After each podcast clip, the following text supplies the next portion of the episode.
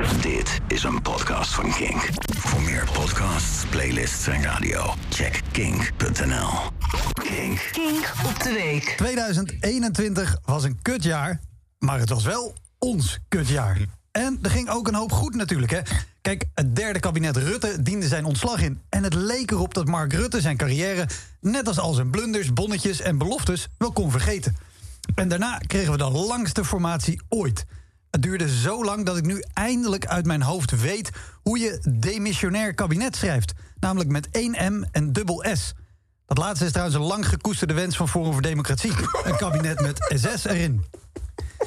En bij de verkiezingen kozen we om de problemen van de vorige regering op te laten lossen door precies dezelfde regering. Dat is toch een beetje een vrouw in een blijf van mijn lijfhuis die vertrekt om een nieuw leven op te bouwen met haar ex. En in de zomer werden er hitterecords gebroken. De klimaatverandering gaat nu zo hard dat we het voortaan niet meer hebben over de opwarming, maar de opgieting van de aarde. Het was 50 graden. Waarschijnlijk komt er een dag in de zomer van 22 dat er een gast in een zwembroek bolle ijs met sinaasappel roosmarijn op straat laat smelten en daarna met een handdoek gaat staan wapperen. En op dat moment gaan de jongeren weer de straat op om te protesteren... terwijl boomers aanstellerig hun armen boven hun hoofd kruisen... en zo hard mogelijk gaan zitten zuchten. Ga dan een bankje lager zitten, Gerda. En nu op de valreep van 21 hebben we ook nog eens... de zwaarste uitbraak van vogelgriep ooit. Kip, het meest veelzijdige stukje virus. Kip. Dat is mooi hoe dat werkt, hè? Als wij niet zelf minder vlees gaan eten... dan zorgt de natuur gewoon dat er minder vlees is. En uit voorzorg worden kuchende kippen nu vergast. Dat is een andere lang gekoesterde wens van Forum.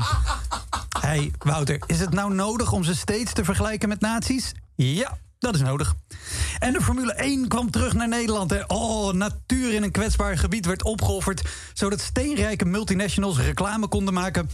door peperdure auto's rondjes te laten rijden... en de overheid tegelijkertijd een dikke middelvinger... naar de cultuursector kon maken. Moet ik er wel bij zeggen, er is later wel één ZZP'er uit de culturele sector geholpen.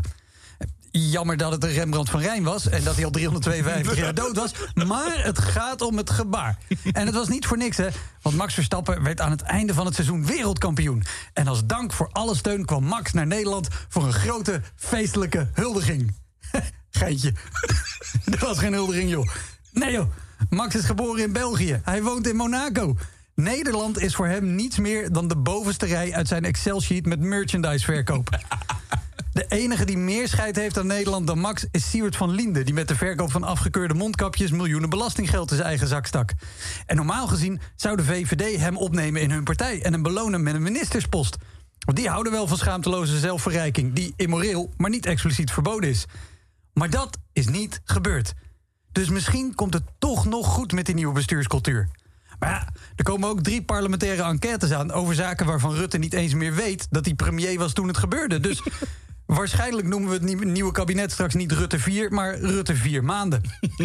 2022 wordt waarschijnlijk ook een kutjaar. Maar het wordt wel Mark Rutte's kutjaar. Dit was een podcast van Kink. Voor meer podcasts, playlists en radio, check kink.nl.